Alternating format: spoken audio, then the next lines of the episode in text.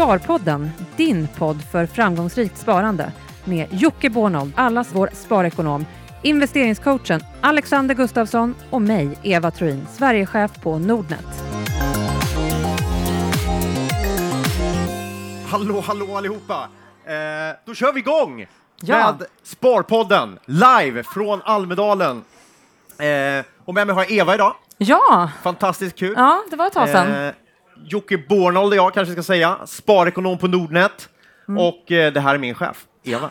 Sverigechef på Nordnet.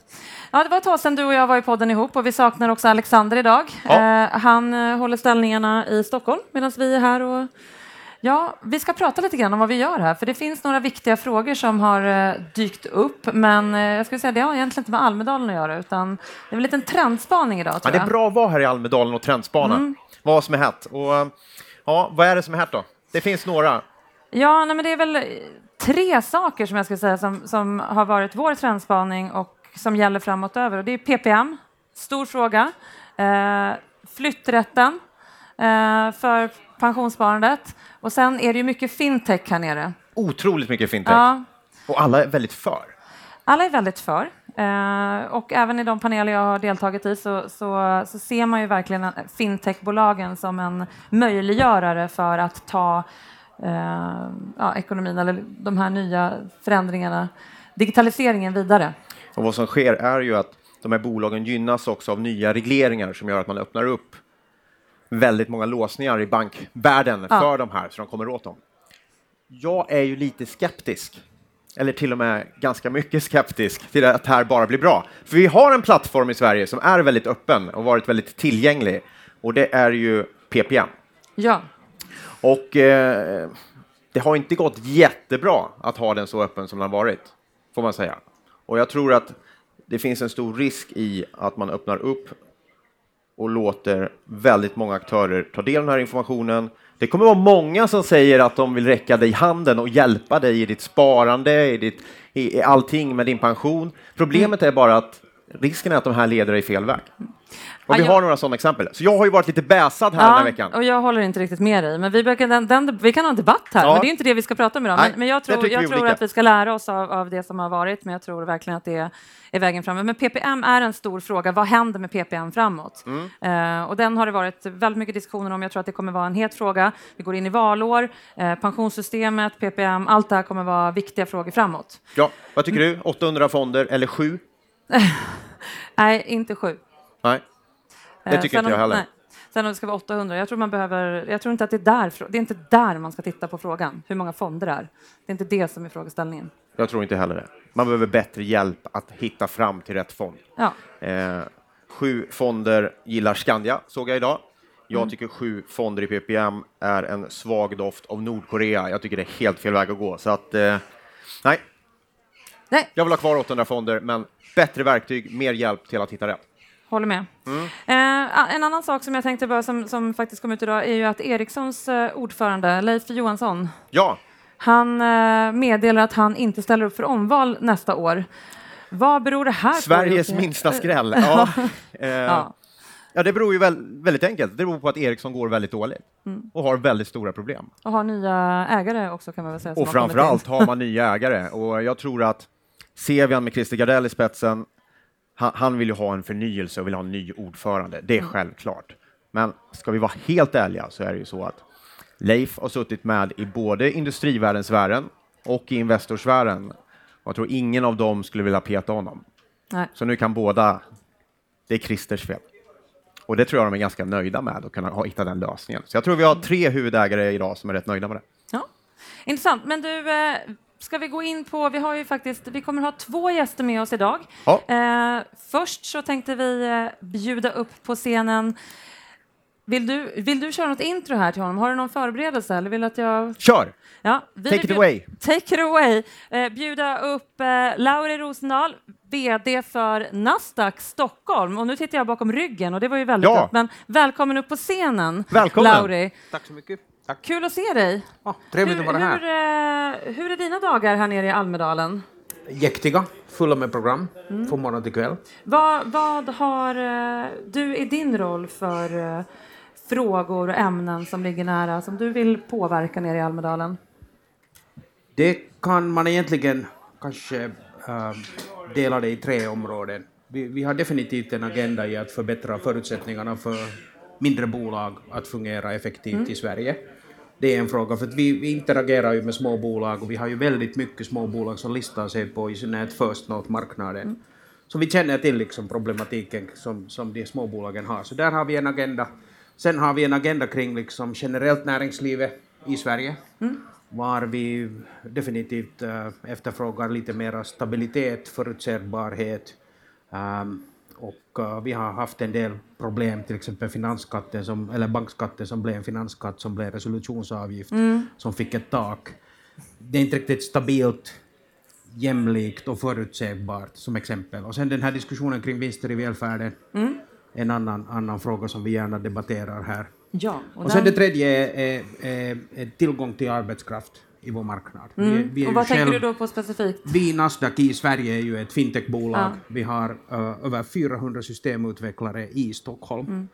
Och vi har svårt att hitta mm. personal och vi har svårt att få människor från andra länder mm. att komma och jobba i Stockholm i vår teknologihubb som vi mm. jättegärna skulle vilja expandera. Så det är också en sån grej som vi jättegärna snackar om, att mm. vad, vad, kan vi göra för att förbättra det systemet. Och hur har uh, gensvaret varit? Har, har du liksom, känner du att du får, kan påverka här i Almedalen eller är det? Ja, det är en bra fråga. Det är en bra fråga. Um, jag hoppas.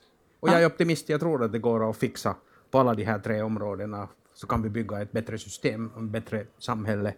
Och uh, marknaden går ju bra och vi uppfyller ett bra liksom, existensberättigande i att finansiera tillväxt för företag. Mm och hjälpa dem att samla in kapital. Så det fungerar. Men uh, det kan alltid bli bättre. Ja. Jag känner jag försvann lite här. Det är ju inte så konstigt eftersom jag har min chef här och min före detta chef här. Eh, känner du trycket? Jag, jag, känner att jag blev lite liten. nej, nej, absolut inte. Kom in i värmen Jocke, det går bra. men, men en fråga, för den där frågan är ju superviktig och det är många som inte känner till att Nasdaq Stockholm eh, kanske framför allt, eh, förstås, Stockholmsbörsen är jätteviktig, men för Nasdaq är ju IT-delen jättestor och jätteviktig och det är en internationell hubb. Men problemet att hitta arbetskraft delas nog rätt många eh, i den här sektorn som skulle kunna växa mycket, mycket, mycket mer. Vad, vad är flaskhalsarna? Eller? Finns det några lösningar? Finns det någon quick fix där? Eller finns det någon fix överhuvudtaget? Det finns naturligtvis alltid fixar och det är ju det som politikerna och i synnerhet regeringen ska ta ansvar att försöka göra förbättringar och reformer. Ja. Uh, men uh, för tillfället så är det ju, ett, det är ju ett, egentligen ett positivt problem. Men i form av, av så att säga, kunniga, erfarna systemutvecklare så finns det ett enormt, en enorm efterfrågan i hela Sverige, men i synnerhet i Stockholmsregionen. Så vi borde få in mera människor, vi borde bygga liksom ett ekosystem som lockar människor att flytta, också från andra länder, till Stockholm, för där finns liksom över 5000 öppna jobb för tillfället. Mm. Uh, och det är vi och, och, det är Nasdaq och det är Spotify och det är Klarna och alla behöver mera människor. Vi borde kunna bygga ett Silicon Valley i Stockholm. Ja. Nordnet behöver också mer människor. Mm. men men uh, tror du verkligen att politiker, vi ska inte fastna i den här frågan, men jag, jag, känner mig, tror du att politikerna kommer lösa det här eller tror du att vi som bolag måste ta ett uh, mycket större ansvar? För vi måste frågan? också ta ett ansvar och, och, vi för tillfället håller på att planera nu att, att bygga en, en ett R&D center i samband med en teknisk ett tekniskt universitet i Sverige. Och, eh? Vi hoppas att vi får det på plats i, i höst och kan inte berätta vilken stad ännu. Nej, vi, Men det är ett, ett, sätt för oss själva att, att engagera ja. oss i, i den här debatten och konkret göra någonting och bygga en egen, egen uh, uh, forskningscentrum tillsammans med ett universitet. Jag tänker på att vi står här med, med dig och uh, det här är ju Sparpodden. Vi måste ju prata lite om börsåret också, såklart. Vad säger du om börsåret hittills? Um, det har varit ett fint börsår mm. hittills. Och om, om, vi tittar på aktiekurserna, vad är de upp nu Jocke? 9 procent ja, ungefär? Någonstans där. Stockholmsbörsen, ja. S30-indexet. Mm. Och från Almedalen i fjol, uh, när jag var här, så är mm. aktiekurserna upp 25 procent. Ja. Sen Almedalen i fjol så har vi listat 111 nya bolag på vår börs och First North i Norden. Och uh, under det här början av året så är det 68 bolag härtills. Uh, så jag tycker att, att det fina är att, att entreprenörer och bolag som kommer till börsen, de får mm. kapital, mm. det fungerar jättebra, emissionerna blir fulltäckta. Uh, placerarna får nya investeringsmöjligheter, nya, nya objekt att titta på och fundera på, vill de vara med? Så den delen av systemet fungerar väldigt väl. Vi kan alltid bli bättre och vi jobbar på att göra det ännu bättre. Um, men, men här tills i år, jag kan inte klaga. Du kan inte klaga? Nej. Vad beror det på? Vad beror det att vi har den här boomen av nya bolag på börsen? Det var inte så länge sedan, kommer jag ihåg, när jag själv var på Nasdaq, så var det någon rubrik att börsen är död, det var en journalist som skrev. Det kommer inte, det kommer inte hända igen att nya bolag noterar sig. Och det var ju uppenbarligen väldigt, väldigt fel. Men vad, vad tror du, vad är drivkraften för det? Vad är det som gör... Och det är är det bara bra pris eller är det... Och det är en jättebra fråga, för att jag får den frågan runt om i Europa, jag får den till och med i USA, för att inget annat land i Europa har ett sånt ekosystem som Sverige har. Nej. Det, det är helt unikt, och, och det, det börjar från en, en kultur av att placera i aktier. Uh, ni är en del av den kulturen Ja. i form av serviceformer. Ni har också konkurrens på det området.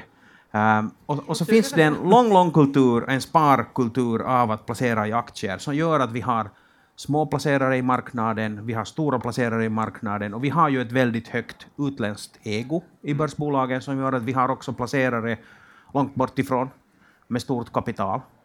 Och när allt det här fungerar och du är i en nollräntemiljö Ja. så blir det ju ett naturligt tryck att ta lite mera risk i, din, i, dina, i ditt sparande. Och i Sverige finns det kulturen, det finns mindseten att okej, då går jag in i aktiemarknaden, då köper jag lite fonder, jag köper ETFer. Andra länder har haft också nollräntemiljö fem, sex år redan. Ja. I en del länder, ta Tyskland, Frankrike, inget flytt från bankdepositioner över till aktieplaceringar. Nej. Där har vi kulturproblem. Sverige har inte ett kulturproblem Nej. i den, i den frågan.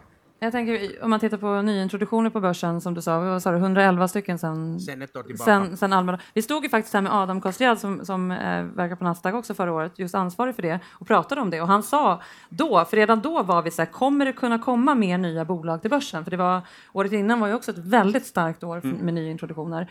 Och han sa det, ja, trenden ser väldigt, väldigt bra ut. Vad säger du nu eh, om vi blickar framåt till Almedalen 2018? Eh, kommer vi ha fler eller färre? Som det ser ut nu, allt beror ju på hur marknaden ser ut, men, men vi har mera diskussioner med nya potentiella börsbolag och First North-bolag än vi hade för ett år sedan här. Och det som är intressant och som, som man blir att fundera i den här eh, Brexit-världen vi lever i nu, med osäkerhet i Europa, är det att, att eh, förvånansvärt många av de här bolagen som vi nu diskuterar en listning med, de kommer från andra länder än de nordiska länderna. Och de tittar på den svenska marknaden. Och vi har rådgivare eh, och fonder som liksom sneglar på den svenska marknaden och säger att hej, men kanske det här är hubben för små och medelstora bolag att gå publika på Stockholmsbörsen istället för att gå till London eller gå till någon annan europeisk marknad. Det låter ju jättespännande. Men vad skulle det här, vad, vad skulle det här innebära för Nasdaq då i Stockholm om, om, om, det, om vi skulle få bli den finansiella hubben? För just nu ska man ju säga att London är väl eh, nummer ett i, i Europa. Ja, vi är nog nummer ett i Europa nu redan, med, bara med det som vi har i vårt eget ekosystem. Uh, men jag ser en möjlighet här. Och jag har sett den möjligheten sedan Brexit-omröstningen i fjol. Att jag ser att London som finansiellt centrum kommer inte att ha den status om fem år. Och de kommer att vara på en nedåtgående trend. Och jag har jämfört det med liksom slutet av 80-talet med Zürich och Genève. När jag kom in på finansmarknaden så var Zürich ett stort finansiellt centrum i Europa. Och om man frågar någon ung eh, person på marknaden idag så Zürich är inte på världskartan som finansiellt centrum. Och det är bara det att de är utanför EU. Och jag tror att det kan hända samma med, med London. Och andra städer kan plocka upp. Jag tror vi alla skulle tycka det var fantastiskt om Sverige kunde bara plocka upp en del av det i alla fall, men det känns inte som att politikerna tycker det är lika fantastiskt. Eller vad, vad känner du när du pratar med politiker? Är de verkligen... Vi, vi har försökt få stöd för den här tanken Ja. om att, att i en Brexit-värld var, var EU går från att ha 28 medlemsländer till att ha 27. Och, och jag tycker att det är helt klart att den här EU27 kan inte vara beroende på att ha sitt finansiella centrum i ett land som inte är inom EU. Det känns bara liksom, det, det, så kan det inte vara. Nej. Och, och jag tror att det finns en möjlighet för Paris, för Frankfurt, Amsterdam, Dublin, men definitivt en välpositionerad nischstrategi för Stockholm att plocka upp en del av det. Vi, vi pratar mycket möjligheter med alla de här noteringarna. Eh, risker. Är alla de här bolagen, är det liksom, vill man in på börsen nu snabbt? Eller, jag vet att ni gör en diger analys innan ni liksom sätter bolagen på börsen. Men är det också, börjar ni se att ni får sålla bort fler bolag? Att det är väldigt många som vill noteras nu? Eh, därför att klimatet är väldigt positivt för börsnoteringar. Ja, det, det är viktigt att förstå att vi har ju en standardiserad process ja. för First North-bolag och för huvudlistans bolag och den är alltid lika för alla bolag. Det finns ingen särbehandling där. Och vi säger nej från tid till annan. Mm. Och det blir nog en del nej. Mm. Men hur, hur, ser den trenden ut? För nu har vi sett att trenden att bolagen som noteras ökas, men hur ser den trenden ut? Om man tittar på nej-sidan. Vågskålarna, eh, ökar den ja, också? Re relativt sett mängden av listningar så skulle jag räkna snabbt att antalet nej har inte relativt sett ökat, nej. men absolut har det nog ökat. Mm. Och, och, det är en, bolag, en del bolag som kommer för forcerat med en, en, en för snäv tidtabell mm. och de är inte riktigt klara. Och, och, då måste vi säga åt dem att, att, att allting är inte ännu på plats. Ni måste gå tillbaks, ni måste fixa det ena och det andra för att uppfylla listningskriterierna. Och så brukar de göra det och så kommer de tillbaka tre månader, sex månader, nio månader senare. Jag tror att eh, tittar man på våra sparare och de som har varit med i de här noteringarna, många, eh, har ju känt att ett tag var det, det har ju varit många som har strategi att bara gå in i nynoterade bolag och där har det ju varit några nu under våren som inte riktigt har varit lika, riktigt så lyckade ur ett investeringsperspektiv. Det behöver inte betyda att det har varit ett dåligt bolag så. Men där vet, den frågan har ju varit uppe och eh, vi har diskuterat den på Twitter och andra ställen. Som är, börjar det liksom ta stopp nu med, med bra bolag? Alltså det, är inte det skönt? någonstans att, att det blir liksom lite dämpat. Det, det är fel mm. någonstans om man ska bara teckna för att sälja dag ett. Ja. Det, är ingen, det är inte så många bolag som vill ha den typen av aktieägare. Nej, det blir en felaktig strategi. Det, tanken är ju att hitta kapital och ett långsiktigt kapital i de här bolagen och, och, och det ska ju bygga på en bra analys. Precis. Att jag vill vara ja. investerare. Jag kan känna att det nästan lite skönt att det dämpas lite det här euforiska när alla ska teckna allt. Ja. Och, och, det, och, där finns två liksom anekdoter, jag har statistiken på det där, att innan det här året, så har, över to, åren 2014, 15 och 16, så listade vi 151 bolag. Placerar du lika mycket pengar i varje notering på första handelsdagen, inte ens i emissionen, utan första handelsdagen, så fick du med en sån dum strategi så fick du dubbel avkastning jämfört med det generalindexet. Mm. Och det, det, var en fri lunch, och så kan vi inte ha det. Nej. Det kan inte vara så enkelt att du är bara med på alla listningar och så tror du att, att du gör miljoner. Uh, och, och i år har vi haft en del uh, effekter av det, att människor har trott att det här är för enkelt, och vi har haft emissioner som har varit övertecknade typ fem gånger, och på första handelsdagen går aktiekursen ner. Kan någon förklara att med det rationella i en över efterfrågan av en aktie som sen säljs under emissionspriset på första dagen? Det är liksom där är någonting som inte är helt okej. Okay. Marknaden är inte effektiv alla gånger. Lär sig. Marknaden lär sig och det är därför som den är så fin i, sin, i sin dynamik, både ja. i prisformering och i, i formande av likviditet. Så jag tror att det, det blir bättre när människor lär sig att det, det, är, det, finns, det är inte en gratis lottokupong som ja. du alltid vinner med. Ja. Och sen de här småbolagen så måste man ju titta på lite längre sikt. Ja. Det är ju inte så att de, de liksom är över världen dag ett när de listar sig, utan de kommer ju till börsen för att samla kapital, mm. göra investeringar skapar nya jobb och sen har de en vision att erövra världen. Och så blir det bra på lång sikt.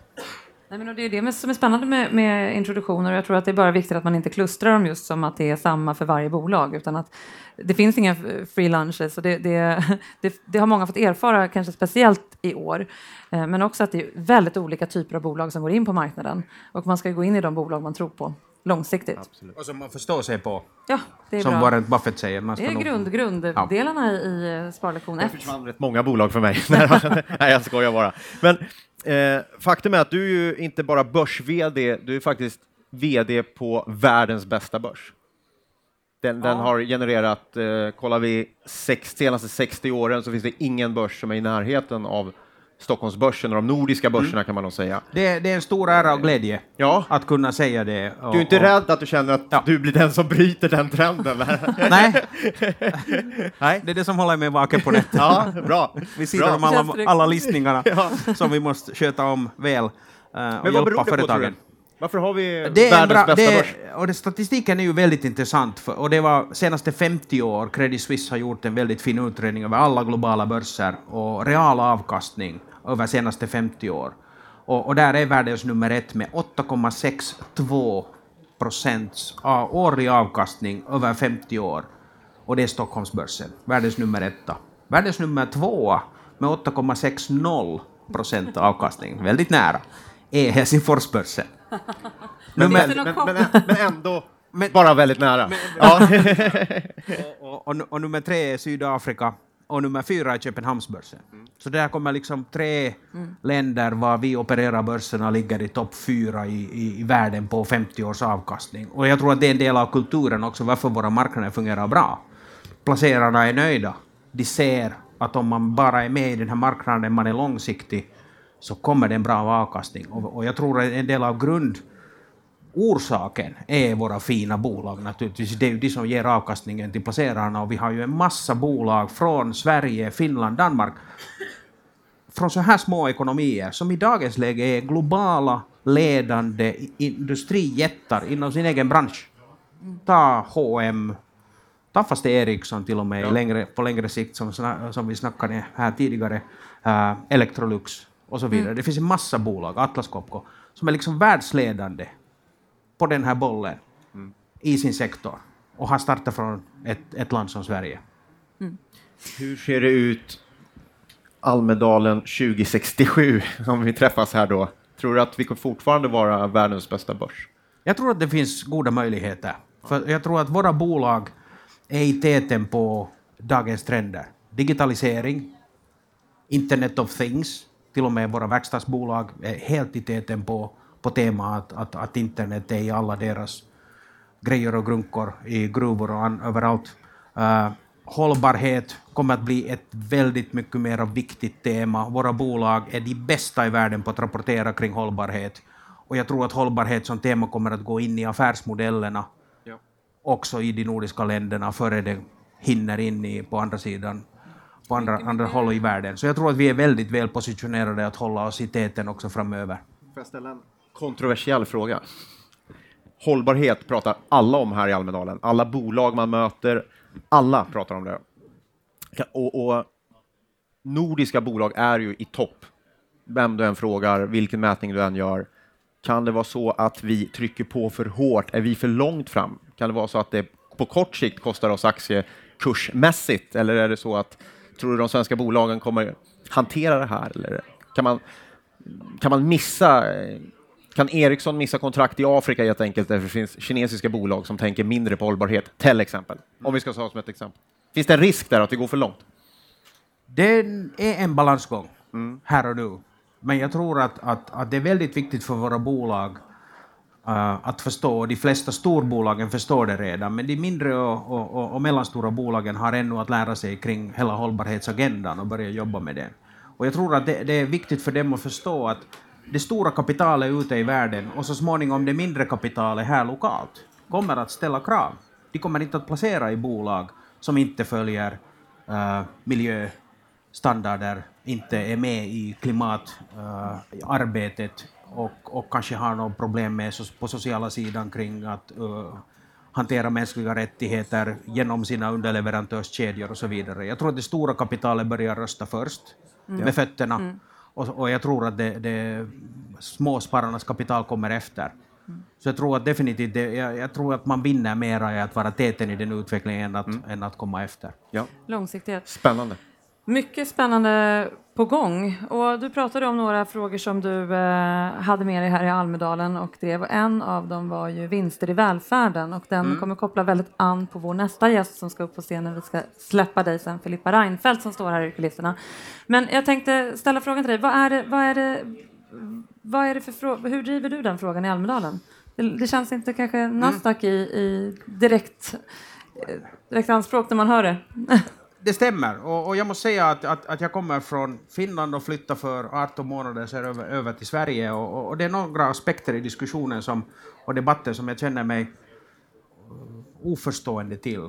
Och jag har haft till exempel svårt att liksom, var ska vi dra gränsen för vad är en vinst i välfärden? Till exempel hör skolmaten dit? Hör skolbyggnader dit? Hör sjukhustekniken dit? För nu har det varit ett totalt fokus på så att säga vårdpersonal, mm. relaterad affärsverksamhet eller direkt skolopererande verksamhet. Men om vi börjar titta på också offentliga sektorns upphandling som leder till vinst i den välfärd som de sköter om. Så jag menar, var, var, ska det här ta slut? Om vi börjar med att först liksom, äh, sätta något tak på att man får inte göra för mycket vinst om man opererar lärare i en skola. Och, och jag måste säga att jag, jag tycker att äh, välfärden som den är privatiserad i Sverige, den hör jättebra hemma på börsen. Mm. Så jag välkomnar välfärden på börsen, för där har vi transparens. Vi har väldigt bra regler för hur bolag ska styras. Alla kan komma med som ägare. Mm. Eleverna, lärarna, sjukvårdare, läkare. Och det finns ett liksom automatiskt eh, system var allting granskas på ett transparent sätt. Och, och därför tycker jag att börsbolag för att operera uh, välfärdsverksamheter är en perfekt kombination. Så då, sista frågan blir, eller om inte du har någon senare, men vad, hur, mottas, hur mottas det här i debatterna då? Känner du att eh, eh, det ses positivt på din syn eller är det fortfarande att man håller emot? Jag tycker att debatten, trots att Dagens, uh, Dagens Industris första sida har dementerats som felaktig information, så tycker jag att debatten har blivit mer rationell, mindre känslofylld. Mm. Och, och, och, det där. Jag tycker att vi går mot ett rätt håll, så jag hoppas att det, det, det blir en bra balans i, i slutändan. Har du något sista ord? Vad ska du göra i sommar? Ah. Vad gör en börs på sommaren? En börs som är hemma från Finland um, kommer att åka till stugan ja. i Finland vid havsstranden. Uh, träffa vänner och släktingar som man inte har så mycket tid för när man bor i Sverige nu för tiden. Mm uh, åka lite båt och njuta av hoppeligen en varm och solig sommar. Jag trodde du skulle säga en varm bastu, men jag bara väntade på det, att den skulle komma. Det också. Det, det också, också, definitivt. Ja, vad härligt. I praktiken varje dag. jag förstår det. Du, stort tack för att eh, du kom och gästade oss och bidrog med massa intressant eh, kunskap till podden ja. och till våra lyssnare. Eh, ha en superfin sommar. Ja, tack, tack. Trevlig sommar. Trevlig alla. sommar. Ja, tack. Och då skulle vi ja, en varm applåd. Tack Lauri. Bjuda upp vår nästa gäst på scen. Ja, Filippa Reinfeldt. Ja, Filippa Reinfeldt. Du får stå här i mitten du också. Ja, Tack. varmt välkommen. Tack hej. så mycket. Hej. Hej. Hallå. Hej, hej.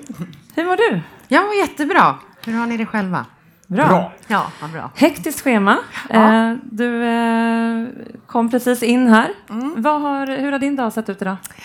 Eh, ja, jag har haft faktiskt lite interna möten. Det kanske man inte ska ha när man är i Almedalen, men jag har haft det ändå idag. Och varit iväg och panelerat i ett seminarium mm. som bland annat handlat om Aleris och hur vi jobbar med integrerad vård och omsorg och också om den nya vårdtjänst som vi nu erbjuder som heter Heli som ja. vi kanske kommer tillbaka till. Ja. Absolut. absolut.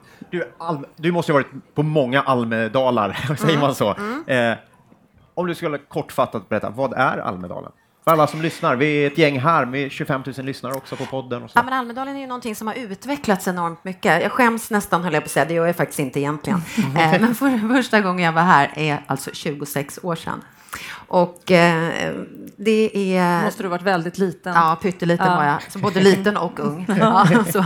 Nej, men det här är så länge sedan. Så då, eh, då var det nästan enbart, det är naturligtvis en sanning med modifikation, politiska partier. Jag jobbade då, var pressansvarig på Moderata riksdagsgruppen. Och eh, då höll vi och arrangerade vårt ekonomisk-politiska seminarium och så bjöd man in journalister.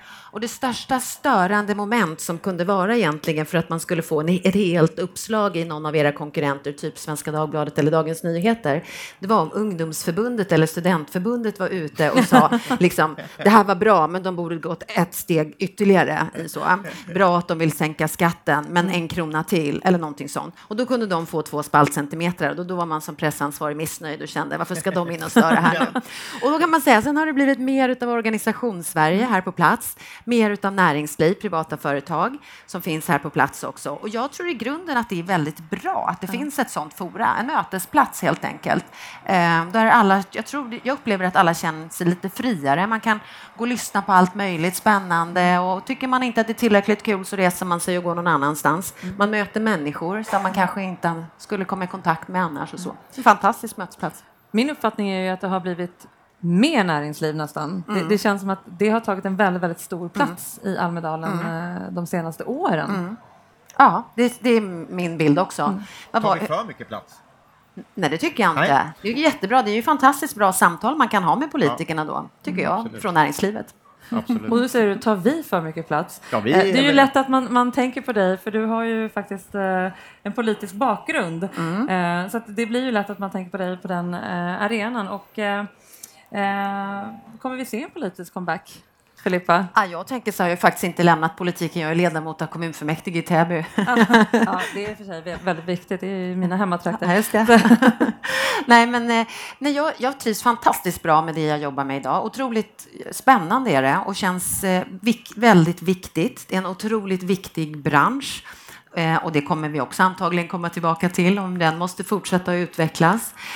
Så jag, jag hoppas att jag ska få vara kvar och fortsätta med det här. Mm. Jag fyllde 50 för några veckor sedan mm. och eh, då räknar jag med att jag har ungefär, kanske förhoppningsvis, så har jag 25 år kvar att jobba. Jag hoppas det. Och, eh, så vad jag ska göra de kommande 25 åren, det vet man inte. Kanske inte 25 år på Aleris, vad vet jag. Eh, det är möjligt att jag går någon annanstans eller aktiverar mig mer i politiken igen. Det får på något sätt framtiden visa. Härligt. Mm.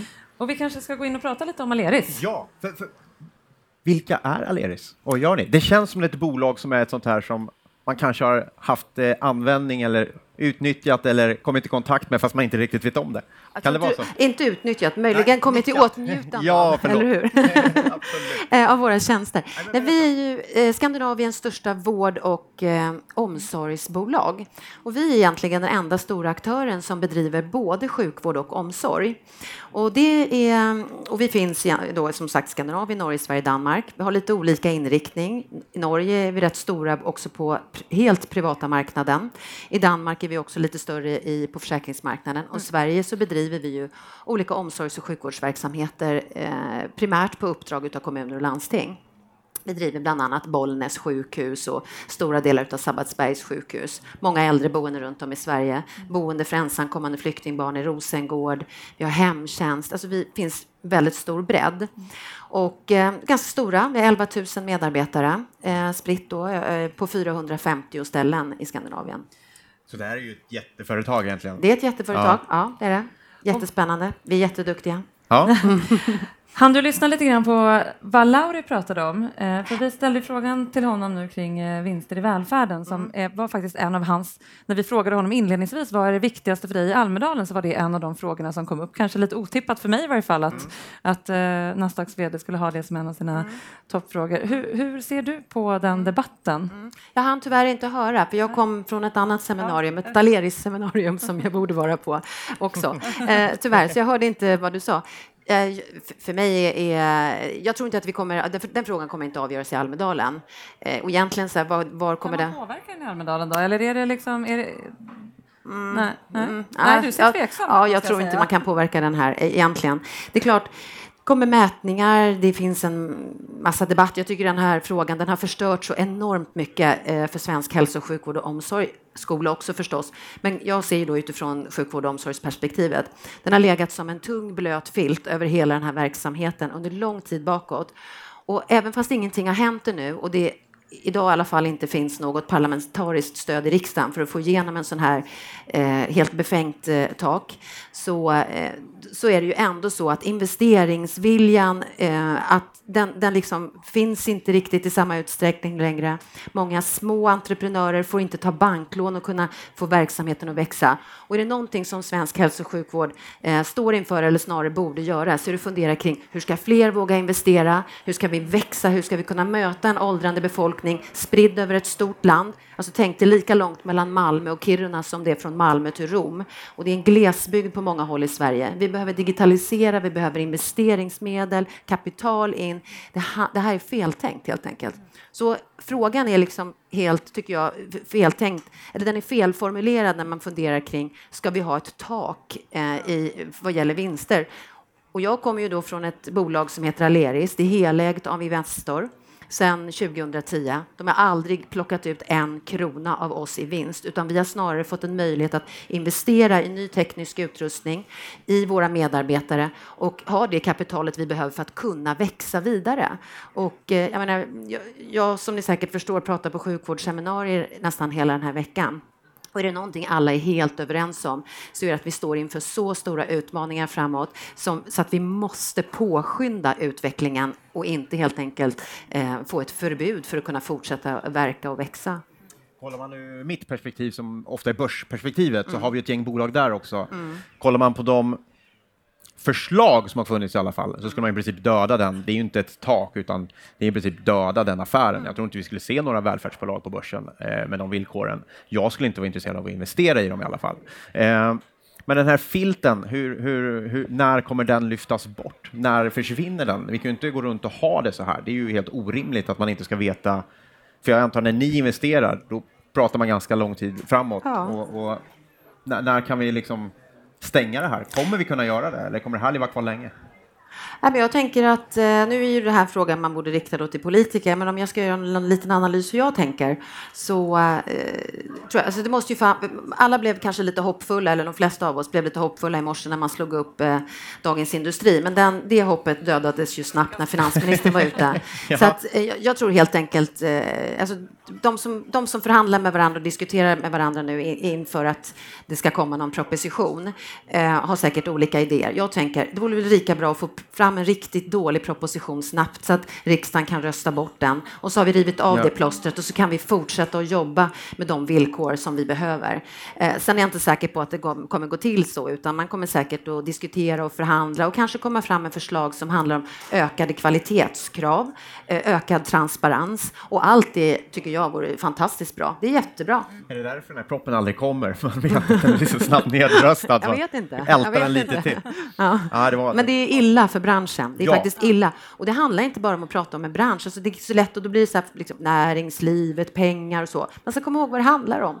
Det handlar om svårt sjuka människor. Det handlar om äldre sköra personer. Det handlar om människor med psykisk ohälsa.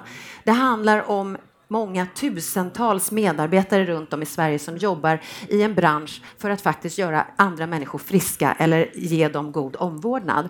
Och de får inte den frihet att kunna göra det utan ska hela tiden leva med osäkerheten. Kommer min arbetsgivare finnas kvar?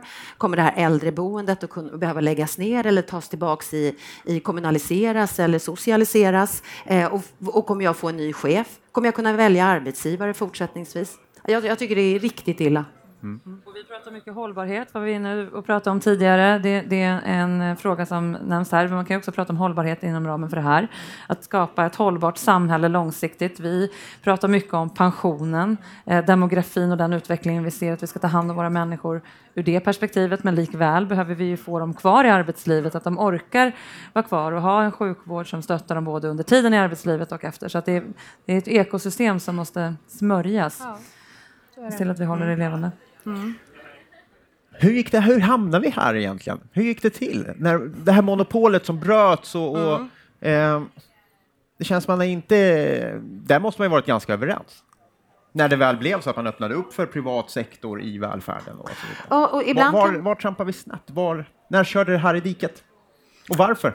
Ja, det är en jättebra fråga varför. Eh, nej, men kört i diket, det, det, är ju så att det är en väldigt, väldigt liten andel av svensk omsorg och sjukvård bedrivs av privata entreprenörer eller företag. Det är inte särskilt stor ja. andel. Men det känns som det är politiskt kör i diket. Pol eh, politiskt så tror jag att det har varit tacksamt. Om man är emot eh, entreprenörs och privatdriven vård och omsorg så har det här varit en väldigt tacksam fråga då att driva.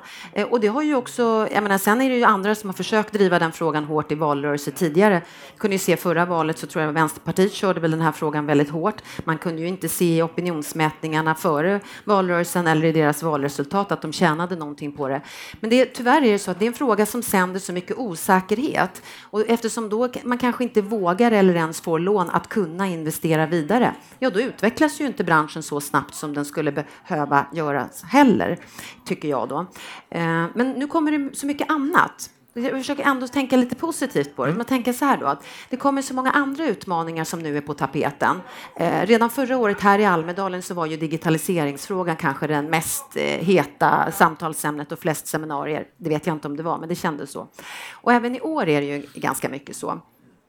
Och jag tror att verkligheten kommer att springa om politiken om man fortsätter och inte vilja prata kvalitet och verksamhetsutveckling. De kan man fortsätta att diskutera ta, vinsttak, Egentligen borde de ju snarare diskutera förlustförbud i offentliga verksamheter, men det är ju en annan fråga. Då, då. Ehm, men utan, då blir det liksom privata företag enbart egentligen som jobbar vidare med eh, digitaliseringsprojekten. Vi startar våra liksom, olika hälsocentraler på nätet. Healy som vi har en blandning mellan sjukvårdsrådgivning, booking.com och att faktiskt kunna boka ett virtuellt eller ett verkligt möte. Vi jobbar vidare med detta. Vi erbjuder människor vårdtjänster, lösningar vid sidan. Det är egentligen därför vi behöver då ha en liten vinst, att vi kan klara av att göra det här som det inte offentliga gör det nu. Men så jag tror att problemet som, som blir med debatten när den nu började och vem som nu startade den, ja. är att man förstör att alla får vara delaktiga i den, de här diskussionerna som snarare handlar om kvaliteten framåt. För det blir så tråkigt att prata tror jag, om sjukvård och omsorg och utveckling framåt. För alla tänker det kommer ändå bara landa i den där tråkiga diskussionen.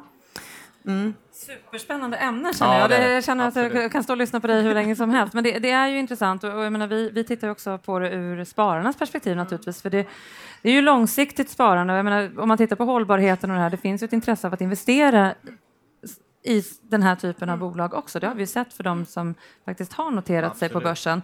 Eh, vi, man förstår ju också att modellen styr så att du behöver ju återinvestera hela tiden ja. men skapa värde långsiktigt. Eh, så där vi ser ju också en möjlighet för spararna att komma åt det här kapitalet. Så det är en intressant fråga. Men tiden rinner ifrån oss. Ja. Har du en sista fråga eller ska vi? Ja, men jag har en fråga som har varit lite aktuell här och det är ju eh, eh och den är lite aktuell för dig också, för det handlar om karantän. Poli politiker och näringsliv går däremellan. Ja. Eh, varför dyker den frågan upp? Eh, är inte det positivt att man kan göra just det, gå emellan de här två sektorerna? Varför frågan dyker upp, det svaret är ju du skyldig eftersom det är du som ställer den. Ja, ja det är helt så, rätt. Så får man säga. Så du kan ju ställa frågan och svara på den själv. När det gäller min syn på frågan så är det så, eh, som ju då lämnade, eller meddelade faktiskt redan, så sent som, eller det, men det är länge sedan, i oktober 14 så meddelade att jag kommer att lämna politiken, även fast jag sitter kvar som ledamot av kommunfullmäktige i Täby. Eh, nej, men jag, tycker att det, jag tycker det är för få som rör på sig mellan organisationssverige, näringsliv och politik. Tänk vad berikande det är. Jag tar med mig en massa bra saker och problem och utmaningar jag har lärt mig och sett, både som tidigare kommunalråd och som landstingsråd. Jag har varit aktiv i politiken ända sedan 1991 faktiskt, eh, när jag läm- och så lämnade jag då 2014. Eh, jag, liksom, och jag har ju väldigt stor förståelse för de utmaningar och svårigheter som politiken sitter med när jag nu jobbar från den andra sidan. Och jag tänker vad spännande det vore också om det var fler från näringslivet som tänkte att jag kan en massa spännande saker och bra saker här. Tänk om jag kunde aktivera mig lite grann i politiken eller mycket och bidra där.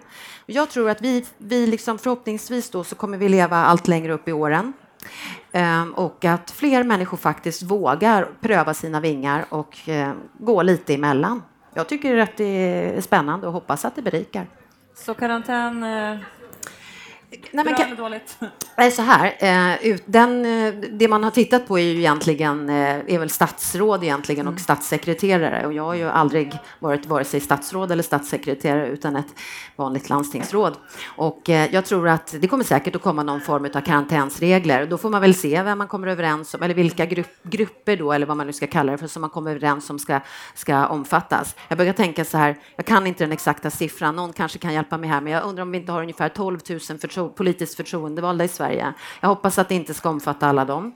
Vi har eh, ganska många kommuner i Sverige. Jag hoppas att det inte ska omfatta alla kommunalråd i majoritet och opposition, alla landstingsråd majoritet och opposition vi har i Sverige. För någon ska ju också betala för att eh, människor ska sitta i karantän och inte få gå och jobba.